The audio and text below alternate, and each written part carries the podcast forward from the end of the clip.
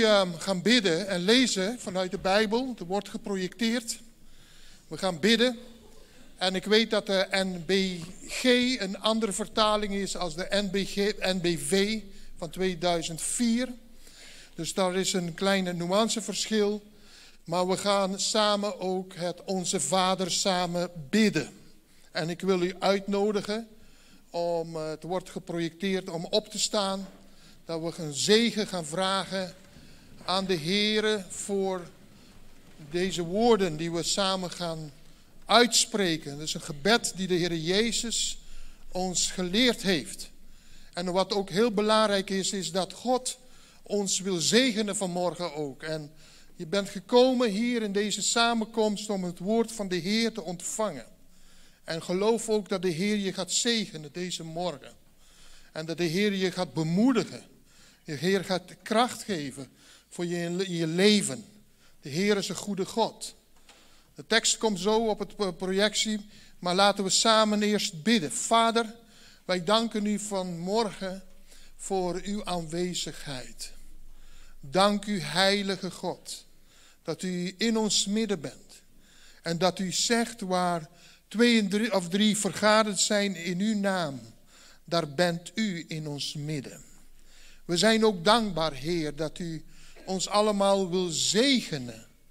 Zegenen met uw woord. Zegenen met uw aanwezigheid. Wilt u ons vandaag ook ja, ons, van ons hart zacht maken? Dat we ontvankelijk zullen zijn voor uw woorden. Uw woorden zijn woorden voor de eeuwigheid. Uw woorden zijn krachtig. Uw woorden zijn levensveranderend. Ik bid u, Heer, dat het woord van u vandaag zijn plek gaat vinden in onze harten, in onze gedachten. Waardoor u ons meer gaat veranderen naar het beeld van uw Zoon Jezus Christus. Ik prijs u daarvoor. Ik eer u daarvoor. Ik aanbid u daarvoor, Heer, en ik zeg u, glorie, glorie voor de naam van Jezus Christus. Hij zal ons zegenen in Jezus' naam en iedereen zegt met mij, amen, amen.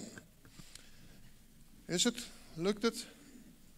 Ja, dat is bijna. Misschien kunt u heel even staande blijven, dat is heel even. De broeders zijn volop daar achter hun werk. Ik wilde graag met jullie dat bidden uit Matthäus hoofdstuk 6. Dat is uh, een gebed dat de Heer Jezus ons geleerd heeft. En velen weten dat gewoon in de oude vertaling, zo ken ik het ook. Maar ik wil ook dat leren samen met u uit de nieuwe vertaling, wat de Bijbel zegt dat uh, onze Vader in de hemel, dat is een bekende. Misschien zijn de broeders even mee bezig. Nee? Oké. Okay. Misschien als u een Bijbel bij u heeft, Matthäus, Matthäus 6. Matthäus 6. Velen kennen het uit het hoofd. Of zoals ze zo mooi zeggen in het Engels, by heart. En dat is heel dicht bij je hart, hè? In je hart zelf. Laten we dat samen hardop gaan bidden. Onze Vader in de hemel, laat uw naam geheiligd worden. Laat uw koninkrijk komen en uw wil gedaan worden, op aarde zoals in de hemel. Geef ons vandaag het brood dat wij nodig hebben. Vergeef ons onze schulden, zoals ook wij hebben vergeven wie ons iets schuldig was. En breng ons niet in beproeving, maar red ons uit de greep van het kwaad. Amen. Prachtig tekst. Ik wil met u lezen vanmorgen uit um, 1 Kronieken hoofdstuk 13. 1 Kronieken hoofdstuk 13. Ik wil graag een boodschap met u delen. Gisteren was ik namens u in, um, in um, Hilversum, niet op de Mediapark, maar gewoon in een gemeente. Daar hadden we een, algemene ledenvergadering, congres van de VPE, de Assemblies of God, waar onze kerk uh, terecht al vele, vele jaren aan verbonden is. Het was zo mooi, zo verfrissend, zo opbouwend, ouderwets. Er waren de, de kwade, verkeerde leerlingen dreigden binnen de VPE te komen. En dat moet je weren, dat moet je weren. Waar, is, waar zijn onze fundamenten? Waar staan wij voor? En elke keer word je geschud op de fundament van je geloof, van je wezen, van wie je bent. En ik ben dankbaar dat, dat het overwonnen is en dat het weer een, een slag hebben gewonnen. En, en het was zo verfrissend, geloofsopbouwend. En, uh, dus u krijgt allemaal de hartelijke groeten van zoveel zustergemeentes in, in, in Nederland. Een paar honderd gemeentes. En waar we met vele voorgangersleiders in het land de Heren mochten loven, eren en prijzen. En u krijgt ook, de, hij heeft mij op het hart gedrukt, Magiel Jonker, de algemene voorzitter van de VPE, uh, de hartelijke groeten te doen aan de gemeente bij deze. Maar ik wil met u gaan lezen. 1 Korinthe 13. De ark wordt opgehaald uit Kiryat Yarim. 1 Kronieken hoofdstuk 13. Just checking, even kijken of u wakker bent. 1 Kronieken hoofdstuk 13. Vanaf vers 1. De ark opgehaald uit Kiryat Yarim. Nadat David met al zijn leger, legeraanvoerders had beraadslaagd met de bevelhebbers over duizend man en die over honderd, zei hij tegen de gemeenschap van Israël, als u het ermee eens bent en als u de Heer, onze God, ons vrijbaan geeft, laten we dan boden sturen naar onze verwanten die in de verschillende gebieden van Israël zijn achtergebleven. Ook naar de priesters en de levieten in hun steden met de omliggende weidegronden. En hun vragen zich bij ons te voegen. Ik stel voor dat wij de ark van onze God, waar we ons in de tijd van Saul niet om hebben bekommerd, hierheen halen. De hele vergadering stemde ermee in, want het volk achtte het juist. David riep heel Israël bijeen, vanaf de grensrivier van Egypte tot aan Lebo Hamad, om de ark van God uit Kiren Jarim op te halen. Samen met de Israëlieten ging hij naar Baala naar Kirjat Jarim in Juda om de ark van God op te halen. De ark van de Heer, waaraan een bijzondere naam verbonden is. namelijk van hem die op de Gerop stroont. Op een, nieuwe, op een nieuwe wagen reden ze de ark weg uit het huis van Abinadab. De wagen werd geleid door Uza en Achjo. David en de Israëlieten dansten vol overgave voor God, begeleid door zang en muziek van lieren, harpen, tamboerijnen, cymbalen en trompetten. En toen ze langs de plek kwamen van Kidon zijn graan dorsten, gingen de ossen daarop af. En Uza stak zijn hand uit om de ark vast te grijpen. En de Heer ontstak in woede tegen Uza en strafte hem omdat hij zijn hand naar de ark had uitgestoken, zodat hij daar in de nabijheid van God stierf. David werd kwaad omdat de Heer Uza had doorkliefd. Hij noemde die plaats Peres Uza en zo heet het daar tot op de dag van vandaag. Toen werd David bang voor God en hij vroeg zich af, hoe kan ik de ark van God ooit bij mij in Jeruzalem brengen? En hij leidde de ark niet meer terug op de weg naar de Davidsburg, maar liet de wagen afslaan naar het huis van Obed-Edom. Een hele beroemde, bekende man, een Gatiet. De ark van God bleef drie maanden bij de familie van Obed-Edom in zijn huis. En de Heer zegende de familie van Obed-Edom en alles wat hij bezat. Neemt u plaats in de aanwezigheid van de Heer.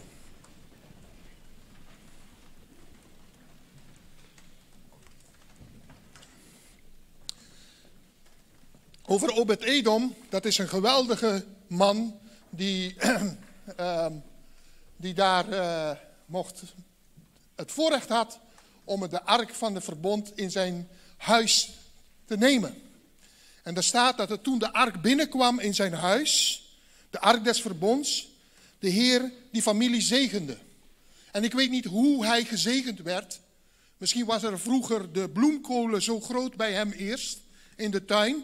Maar nu dat de Heer gekomen is met de ark, dat de bloemkolen plotseling zo groot werden, dat weet ik dus niet. Of dat hij enorme trossen uh, tomaten had gekregen en heel veel zegen heeft gehad. Maar één ding is zeker, Obed-Edom en zijn familie werden gezegend. En over e- Obed-Edom is juist de man die later, toen de ark weggehaald wordt, kun je lezen in, verderop in Kronieken, dat hij ging werken aan de tempel als tempelwachter in de tempel, op het tempelplein toen de tempel gebouwd werd door um, Salomo. En hij, hij werd gezegend en hij nam zijn hele familie mee naar het huis van de Heer. En dat is belangrijk om te weten, dat je je familie meeneemt naar het huis van God, om samen dicht bij God te zijn. Maar goed, dit is het mooie verhaal van um, de ark uit Kiryat Jarim. Dat is nogal wat. En um, het, is, een droevige periode in Israël, omdat de ark, de ark is eigenlijk het beeld van um, de aanwezigheid van God. En we weten ook wel dat Jezus de ark is van het nieuwe verbond. Zoals de Hebreeën schrijver ook ons beschrijft. En we weten dat Jezus zelfs de ark van Noach is. Dat op een dag iedereen die binnen is gekomen, gered is. God zelf ook de deur zal dicht doen en de genadetijd voorbij is. Dat zijn symbolen waarin Jezus zich helemaal in, Jezus helemaal in terug kan vinden. En wat belangrijk is in dit gedeelte, is dat de ark des verbonds wijst op de Heer Jezus. Die omgeven is met goud, omkleed is met goud. De Jezus de koning wordt in de Bijbel genoemd. Maar waar ook de wet ook is. De wet, de wet binnenin, in de ark des verbonds. De twee stenen tafelen, aan weerszijden beschreven door de vinger van God. En wat bijzonder is, is dat de wet daar binnen is. Maar gelukkig is de wet niet alleen daar binnen, want dan zouden we allemaal dood gaan zijn gegaan, net als Uza. En een van de meest belangrijke is, is dat het verzoendeksel daarboven is. En door het verzoendeksel kunnen we ook verzoening krijgen met God. Jezus is onze verzoener, zegt de Bijbel. Er is geen andere middelaar tussen God en mensen dan Jezus Christus, zegt Paulus in 1 Timotheus 2, vers 5. Wil je bij God komen, moet je door Jezus gaan. Er is geen andere deur. Zoek je andere deur, zegt God, je kunt er niet binnenkomen. Je kunt alleen via Jezus. En dat is wat de Heer Jezus zegt. God wil zelf dat Jezus geëerd wordt daarin. En wat is nou het geval hier? Dat de twee stenen tafelen daar binnen waren. En Jezus, de ark des verbonds, de, de ware ark des verbonds. Die, die ark die is, die is meegenomen en er was een honger en dorst in de hart van, van David. En David die zei, Heer, we moeten dit, dit, deze ark terughalen naar huis. We moeten het terugbrengen naar, eigenlijk naar Jeruzalem, daar waar het hoort. Want het was eigenlijk, het was eigenlijk gebracht uiteindelijk naar Obed-Edom en die was een Gatiet. En als je weet uit de Bijbel, dat is Gat, de stad Gat. En daar is een hele belangrijke, bekende, beroemde, beruchte man uit Gat. Weet u, weet u wie uit Gat komt? Goliath. Goliath komt uit Gat. En waarschijnlijk, misschien was het een buurman van Obededom geweest. Wie weet. Dat was in het gebied van de Filistijnen. En misschien was Obededom buurjongen van, van, van, van Goliath. En waar hij elke dag klappen kreeg van Goliath. Zo, want, want wie wil nou buurjongen van Goliath zijn? Een keer van drie meter, elke keer vecht hij tegen mensen. Hij kan mensen niet zien of hij begint al te meppen. En Obed-Edom, die woonde, kwam uit dezelfde stad als, als, als uh, Goliath. En daar hebben ze uiteindelijk de, de, de, de ark gebracht.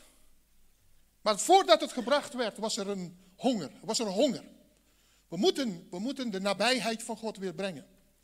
Want de ark symboliseerde in het Oude Testament de aanwezigheid van God. Het is de aanwezigheid van God. En wat is het? Het is een kist ongeveer, ongeveer net zo groot als dit van Marco. Ja, dat, het is het niet hè, Marco? Maar ongeveer. Er staken vier mooie draagstokken aan uiteinde. En boven de ark er was het verzoendeksel. En als je het verzoendeksel zou openmaken, dan zou je de twee stenen tafelen van Mozes zien, die God geschreven heeft met de Heilige Geest. Daar heb ik onlangs met u over gehad. Vervolgens zou je ook een stapeltje van de toonbroden hebben gezien. Want God die vroeg het om het erin te doen. In de ark des verbonds. En waarom? Om, om, om aan te tonen dat hij altijd zal voorzien voor zijn kinderen. Voor zijn volk. God voorziet altijd.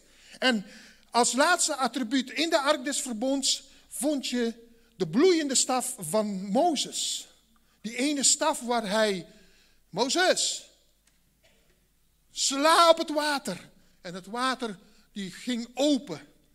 En die stok zelf was niet een toverstok waar heksen en allerlei soorten verkeerde mensen, occulte mensen mee bezig zijn. Nee, het was gewoon een symbool van steun, van dragen. Maar ook een beeld dat God met zijn volk was. En die drie attributen waren er. Maar altijd, altijd, er waren momenten dat de toonbroden er niet waren.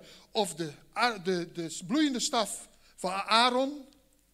Maar altijd was de, waren de twee stenen tafelen in de ark des verbonds. En wij weten dat God, Jezus, de ware ark is des verbonds. Hij heeft ons verbonden met God door het bloed van Jezus Christus. Hebben, kunnen we God tegen God zeggen, Abba Vader, Hemelse Vader. En David had dat, die behoefte om die nabijheid van God weer naar het huis des Heren te brengen, naar Jeruzalem naar de stad van de grote koning. Die honger en die dorst van het volk van David. Die zei, let's do it. Laten we het terugbrengen. En zo gezegd, zo gedaan. En ze gingen het ophalen. Uit Kirit Jarim. En ze zijn daar naartoe gegaan. En ze hebben het opgehaald. En de ark des verbonds is geen wondermiddel. Want wij lezen na Salomo en na de koning, de koningin van Shiba, ja, de Shiba, de koningin van Ethiopië. Of ze, sommigen die, die, die kennen haar als uh, een van de rijkste vrouwen, koninginnen in haar tijd. Na dat moment lezen we niks meer van de ark des verbonds. Alleen in openbaring lezen we dat de ark des verbonds en in de hemel schijnt te zijn. Het is heel opmerkelijk dat we dat kunnen lezen in openbaring. Maar wat heel bijzonder is, is dat David zei, laten we terugbrengen. We hebben Gods nabijheid nodig. We hebben aangemodderd in ons leven. We hebben geleefd en we hebben geprobeerd God te dienen, maar we faalden weer. En we wilden weer God dienen, maar we faalden weer. We moeten God weer bij betrekken bij, onze, bij ons leven. En toen hebben ze gezegd, we moeten het gaan brengen. We moeten het gaan halen. En zo heeft hij gezanten en mensen bij elkaar getrommeld. En daarbij zei hij ook nog, in de dagen van Saul hebben we niet bekommerd het is een oud-Nederlands woord voor, we hebben er niet voor gezorgd. Dat de ark bij ons was. Want in de tijd van Saul ging het om, ja, kracht en leger en vechten tegen de, tegen de vijand. En het ging om, om te zorgen dat je, dat je overwinning behaalde en dat ze jou niet onderdrukten. In de tijd van, van, van, van Saul was het een, een tijd van grauwheid Het draaide om, ik moest oppassen dat mensen mijn positie zouden innemen. Zo was Saul constant. Heeft hij zeven jaar achter David aangezeten, omdat hij bang was dat David zijn, zijn koningschap zou overnemen. En hij wilde David om zeep helpen. Maar David zegt, ik stel voor dat wij de ark van onze God, de ark van onze God, de aanwezigheid van onze God, waar we ons in de tijd van Saul niet om hebben bekommerd, hierheen halen. We moeten weer de aanwezigheid van God in ons leven hebben. Daar waar wij wonen, daar moeten we de aanwezigheid van God hebben. Want boven de ark, en daar had je de verzoendeksel. En dat Jezus is onze verzoener. Maar gelukkig is die verzoendeksel daar. Want als de verzoendeksel er niet zou zijn, dan waren we meteen dood. Want Gods wetten waren zo heilig, zijn zo heilig, dat we allemaal zouden sterven ter plekke. En je zag wat er gebeurde. Dat Uza, in de andere vertalingen lees je dat de runderen strijkelden. En Uza die wilde, dat was, een, dat was een reflex en wilde de ark vasthouden, dat hij niet om zou vallen. En uh, hij hield hem even vast en aan, aan de hand dat hij vasthield, meteen. Toen stierf hij daar. Kreeg hij misschien een schok, ik weet niet. Maar in ieder geval, door de heiligheid van God stierf hij ter plekke. God is zo heilig. En de Bijbel leert ons dat ze dat op een wagen hebben gezet. Een mooie wagen. En op die wagen, daar hebben ze het vervoerd. Maar eigenlijk in het Oude Testament lees je hoe ze het altijd de ark des verbonds moesten vervoeren. Niet op een wagen. Maar de priesters moesten het, een shift, steeds met de rooster, moesten vier priesters dat dragen door de woestijn heen. En niet op een wagen. En ze hebben nieuwe wagens. Ze hebben gekeken naar andere volken. En ze zagen allemaal wagens en paarden en, en met runderen. En ze, ze dachten, dat moeten wij ook doen, want dat is veel makkelijker.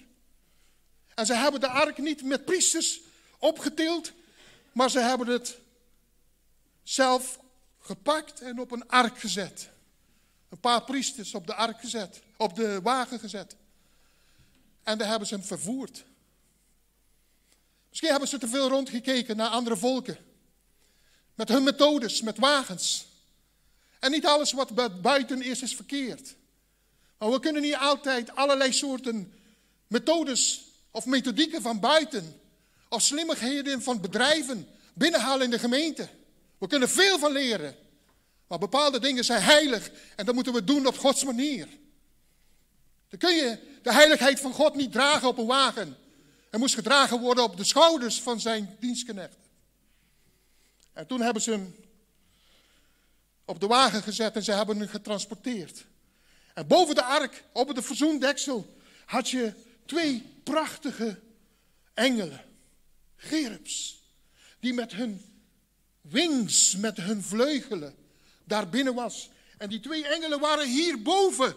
En God heeft ooit gezegd, ik zal dalen in de ark des verbonds. God zelf is gedaald op de ark des verbonds. In die kist, op die kist. Hij is niet gekist, maar hij is tussen de engelen gekomen. En terwijl die twee engelen vooroverbogen over de ark en de wet en de, uh, de, bloeiende staf van um, Aaron en natuurlijk ook de toonbroden, was God daartussen op het verzoendeksel. Hij zweefde als het ware tussen die twee gerubs. Op het verzoendeksel. Niet bij de dodende letter van de wet, maar hij was verzoenend bezig. Maar verzoening kun je alleen krijgen met de wet. Zonder wet heb je geen verzoening. Maar wet alleen, dood. De letter dood. Maar de geest maakt levend. En God was hier op de ark. En dat is ontegenzeggelijk waar uit de Bijbel. En David had die behoefte. We moeten Gods aanwezigheid brengen. We moeten God weer terughalen. We moeten zijn aanwezigheid hebben. En in die tijd was het via de ark des verbonds. Die kist. Die kist kwam niet zomaar uit de hemel vallen. Hij is wel in de hemel teruggevonden. In openbaring. Ik kan u de tekst geven. Althans, Johannes spreekt erover in openbaring. Maar wat er belangrijk is, is dat God vanuit de hemel, God Mozes indicatie had gegeven om de tabernakel te bouwen. Precies zoveel palen, zoveel geitenhaar, de kleuren, de attributen, de wasvatten, brandoffer. Alles heeft God exact verteld. En hij had zijn, zijn, zijn mensen ervoor die vervuld was, waren met de Heilige Geest. En ze konden het maken naar het model dat Mozes doorkreeg vanuit de hemel. En zo ook het attribuut, het heiligste attribuut uit Israël, de ark des verbonds. Ook dat werd gemaakt door, door aanwijzingen van Mozes, die Mozes heeft ontvangen van God. En David besefte, ik kan spelen wat ik wil. Ik kan muziek maken wat ik wil. Ik kan oefenen wat ik wil. Ik kan op mijn harp spelen. En hij heeft gevochten tegen leeuwen, tegen beren, zegt de Bijbel. Hij heeft de schapen van zijn vader Isaïe verzorgd. Hij heeft alles gedaan wat er moest gedaan worden. Maar hij wist, ik moet de aanwezigheid van God weer hebben bij ons in het centrum van Israël, in de hoofdstad Jeruzalem. Ik was een poosje terug, waar ik met een paar broeders uit, uh, uit het zuiden. We waren, ik heb gesproken en we waren even, ze zeiden, broer Kelly, ah, kom maar, kom maar mee, kom maar mee. We, gaan, we gaan even wat eten.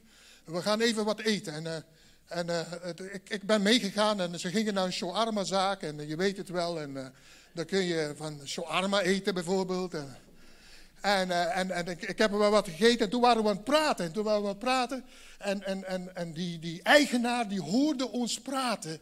En ik kwam met twee broeders daar van de gemeente van Hoensbroek. En die zeiden van, uh, ja, ja, dat is, dat is mooi hier en het is um, wel fijne dienst. We zijn gezegend. En ik zei, ja, ik ook. En uh, ik ben nu ook gezegend. Kijk maar op mijn, de, op mijn bord. En God is goed, God is goed. En, en we waren bidden en, en, en, de Heer danken. En die eigenaar, die, die hoorde dat. En hij zei, hij zei het op zo'n manier. Hij zei, hij is een Turk en hij zei, wat praten jullie over God daar? Waarom praten jullie over God? Zijn jullie christenen? En jullie praten altijd over God. Ik moet ook naar jullie kerk gaan. Ik zei, ik ben er niet van deze kerk, maar u bent hartelijk welkom daar en daar. En die, die, die, die broeder die gaf hem een kaartje. En uh, wacht even, voordat ik verder ga met dit. Ik ben van origine een buitenlander. Alleen buitenlanders mogen Turken nadoen, oké? Okay? Dat mocht u niet, mag u niet doen. Alle kaaskoppen mogen dat niet doen.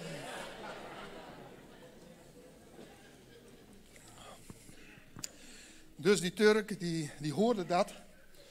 En we hebben gewoon gesproken over het evangelie. En we hebben met hem gepraat. Aan het eind van het verhaal mocht ik hem over de toonbank met hem bidden. En ik zegende hem in Jezus' naam. En guess what, wat hij zei? Hij zei, amen Jezus, amen Jezus. Halleluja. Geweldig, dat vond ik geweldig. En, en, um, maar goed, wat, wat, wat, hij ervoer iets, iets, iets wat we hadden over, over aanwezigheid van God. En David had dat ook nodig. Hij, hij nodigde ze, hij nodigde ze um, uit en hij zei, we moeten het halen, we moeten het halen. En toen ze het gingen halen, al die lastdieren en die wagens, ze haalden het op, ze brachten het onderweg en ze liepen. En wat ik u al vertelde, Uza die pakte het en, en hij stierf. En, en, en, en, David werd woest. Hij werd een potje boos hier. En hij zegt, God, wij doen het wat u wil. We halen de ark des verbonds uit Kiryat Jarim. We willen het brengen naar het hart van Israël, namelijk Jeruzalem, wat vroeger Salem was. Waar Melchizedek vandaan kwam. Maar hij is geen geboorte, nooit geboren. Ook een hele bijzondere man om over te spreken. Koning van de eeuwigheid. En uh, waar Abraham zijn zoon Isaac wilde gaan offeren. en al het mes in zijn hand had om zijn zoon te slachten. Kun je dat voorstellen?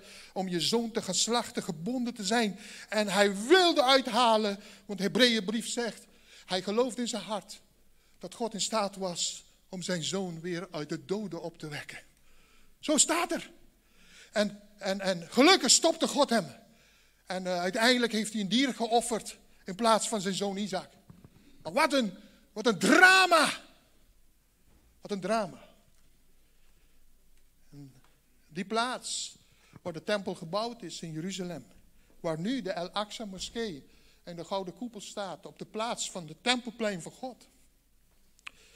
Daar is Abraham geweest. Daar is de tempel geweest. Daar heeft de Heer Jezus gelopen. Daar heeft de Heer Jezus gebeden. Daar heeft de Heer Jezus mensen genezen. In de zuilengangen van Salomo. Daar heeft hij lessen gegeven van leven en van kracht. Daar is nu iets geheel anders opgebouwd. En het verbreekt Gods hart. We gingen daar bidden op de Shabbat aan die muren. We hebben gedanst en ik danste met, uit volle macht met de Joden. Ik ken ze niet, ik weet niet wie ze zijn. En Stefan Vos en ik, we waren dansen met die, met die mannen en, en die, die, die mensen uit vreugde voor de Heer. En, en we, we, we riepen, Elohim Adonai, onze God, onze Heer. We prezen de Heer. En uh, dansten daar in rijdans en rondjes. En, uh, oh, ongelooflijk. Was mooi, hè, Stefan? Hebben genoten daarvan. Maar weet je wat het mooiste is? David wilde weer de vreugde van God hebben in zijn leven. Dichterbij de ark. Maar hij werd woest. Hij werd woest, want Uza is dood. Maar toen kwam hij te realiseren. Ik moet van mijn woest, van mijn boosheid, sloeg om naar angst, naar bang. Hij werd, David staat letterlijk geschreven in vers 12. Of 13, sorry. Toen werd David bang voor God. En hij vroeg zich af: hoe kan ik de ark van God ooit bij mij in Jeruzalem brengen? En hij leidde de ark niet meer terug op de weg naar de Davidsburg, maar hij sloeg af. Maar liet de wagen afslaan naar het huis van Obed-Edom, een Gatiet. En daar heeft hij het gebracht. De man die waarschijnlijk klappen heeft gehad van Goliath. Ik denk er maar zo aan. En hij bracht hem daar. En hij zet hem daar. Obed-Edom. En Obed-Edom die kijkt met grote ogen. Wat? Brengt u hier de ark des verbonds hier? Wilt u me dood hebben? Maar God zij dank heeft hij misschien in een kamertje geplaatst. En God liet die bloemkool alleen maar groter worden. En, en alles werd gezegend in de familie, in het huis van, van Obed-Edom. En alles wat hij bezat. Oh, dat was geweldig. Maar David werd bang. Hij werd bang. Want hij zag dat God zelfs doden kunnen brengen. Ananias en Saphiras. Hij kon met zijn heiligheid mensen doden. Maar hij had een verlangen om de ark naar binnen te halen. God, u moet dichterbij komen. God, u moet dichterbij in mijn leven komen. God, ik wil u niet veraf. Ik wil de ark, het symbool van de aanwezigheid van God, hier dichtbij in uw huis in Jeruzalem hebben. En de les hiervan is vanmorgen. En we kunnen ook lezen, laatste tekst dat ik met u wil lezen. Uit Psalm 132, dat wordt ook geprojecteerd. Op Psalm 132 lezen we dat David ook in zijn hart had om hierover, in zijn psalm, in zijn pelgrimslied. Hij zegt, ik zal mijn tent niet binnengaan, nog mij te rusten leggen op mijn bed. Ik zal niet binnengaan in mijn slaapkamer. Ik zal me niet te rusten leggen. Ik ga niet snurken. Ik ga niet, ik, ga niet slapen. Mijn ogen ook niet overgeven aan de slaap. Nog mijn wimpers aan de sluimer. Voordat ik een plaats vind voor de Heer. Een woning voor de machtige van Jacob. Hij wilde zijn uiterste best doen zijn uiterste best Hij wilde niet gaan sluimeren, hij wilde niet gaan slapen, hij wilde niet gezapig worden, hij wilde niet koud worden van binnen. Hij wilde zijn uiterste best doen om Gods aanwezigheid binnen te brengen in zijn woning. En dat is belangrijk. En hoe zit het met ons? Willen we God ook binnenbrengen in onze levens? Mag God ook God zijn in ons leven? Mag Hij het ook voor te zeggen hebben in ons leven? Mag Hij ook de ark binnenbrengen in ons binnenste? Voordat ik een plaats vind voor de Heer, wil ik niet sluimeren, wil ik niet slapen, wil ik niet liggen op mijn bed. Ik zal niet mijn tent binnengaan. Ik wil Gods aanwezigheid in mijn leven. De ark is uiteindelijk naar Jeruzalem gekomen. Maar nu op de goede manier. Door priesters gedragen. En niet op de manier van hoe wij willen leven. Ons leven zelf invullen en God moet het zegenen. Heer, ik wil dit, ik wil dat, ik wil dit. En ik wil ook dat voor. En dan moet ik ook nog heel veel rust hebben. Ik wil dat hebben. En wilt u dat allemaal zegenen? En God weet u wat hij gedaan heeft? Hij liet dat de wagen en de runderen gingen struikelen. En dan maak je fouten. Maar God wil gediend worden, niet op jouw manier, niet op mijn manier. Is maar één manier. Gods manier. Wil je de ark van God in je leven? Met andere woorden, de aanwezigheid van God. Meer van God. Waar Gods kracht en genezingen plaats zullen vinden. Herstel, echt leven. Echt leven. Niet praten over God, maar intieme relatie met Jezus. Dat is de reden dat de kerken leeglopen en de mensen aan de ene hype naar de andere. Is er iets moois weer ontstaan, dan gaan ze met z'n allen daar. En dan gaan ze daar met z'n allen. En dan gaan we met z'n allen. Het is allemaal leuke hype steeds. Maar echt leven met God is niet hype. Het is intimiteit met Jezus. Zullen we gaan opstaan?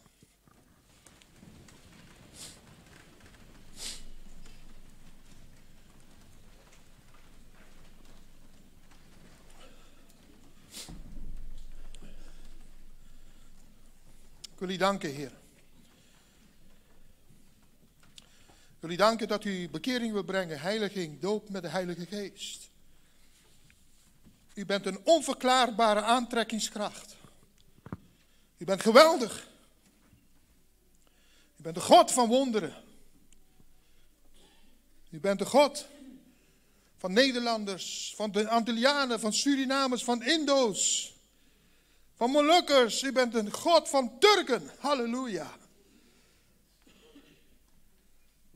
Van shawarma-zaak-eigenaars. U bent God die regeert.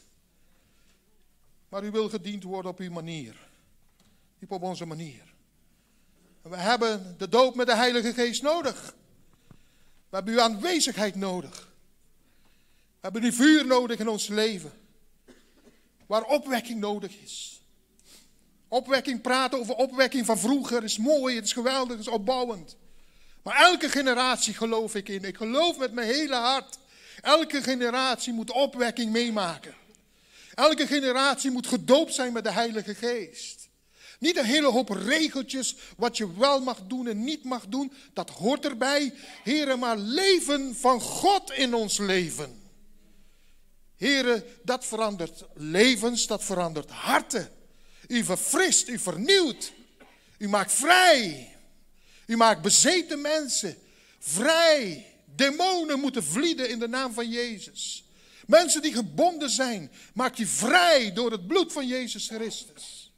En vandaag willen we niet verwarring brengen, maar we willen de heiligheid en de openbaring van uw woord tot ons nemen.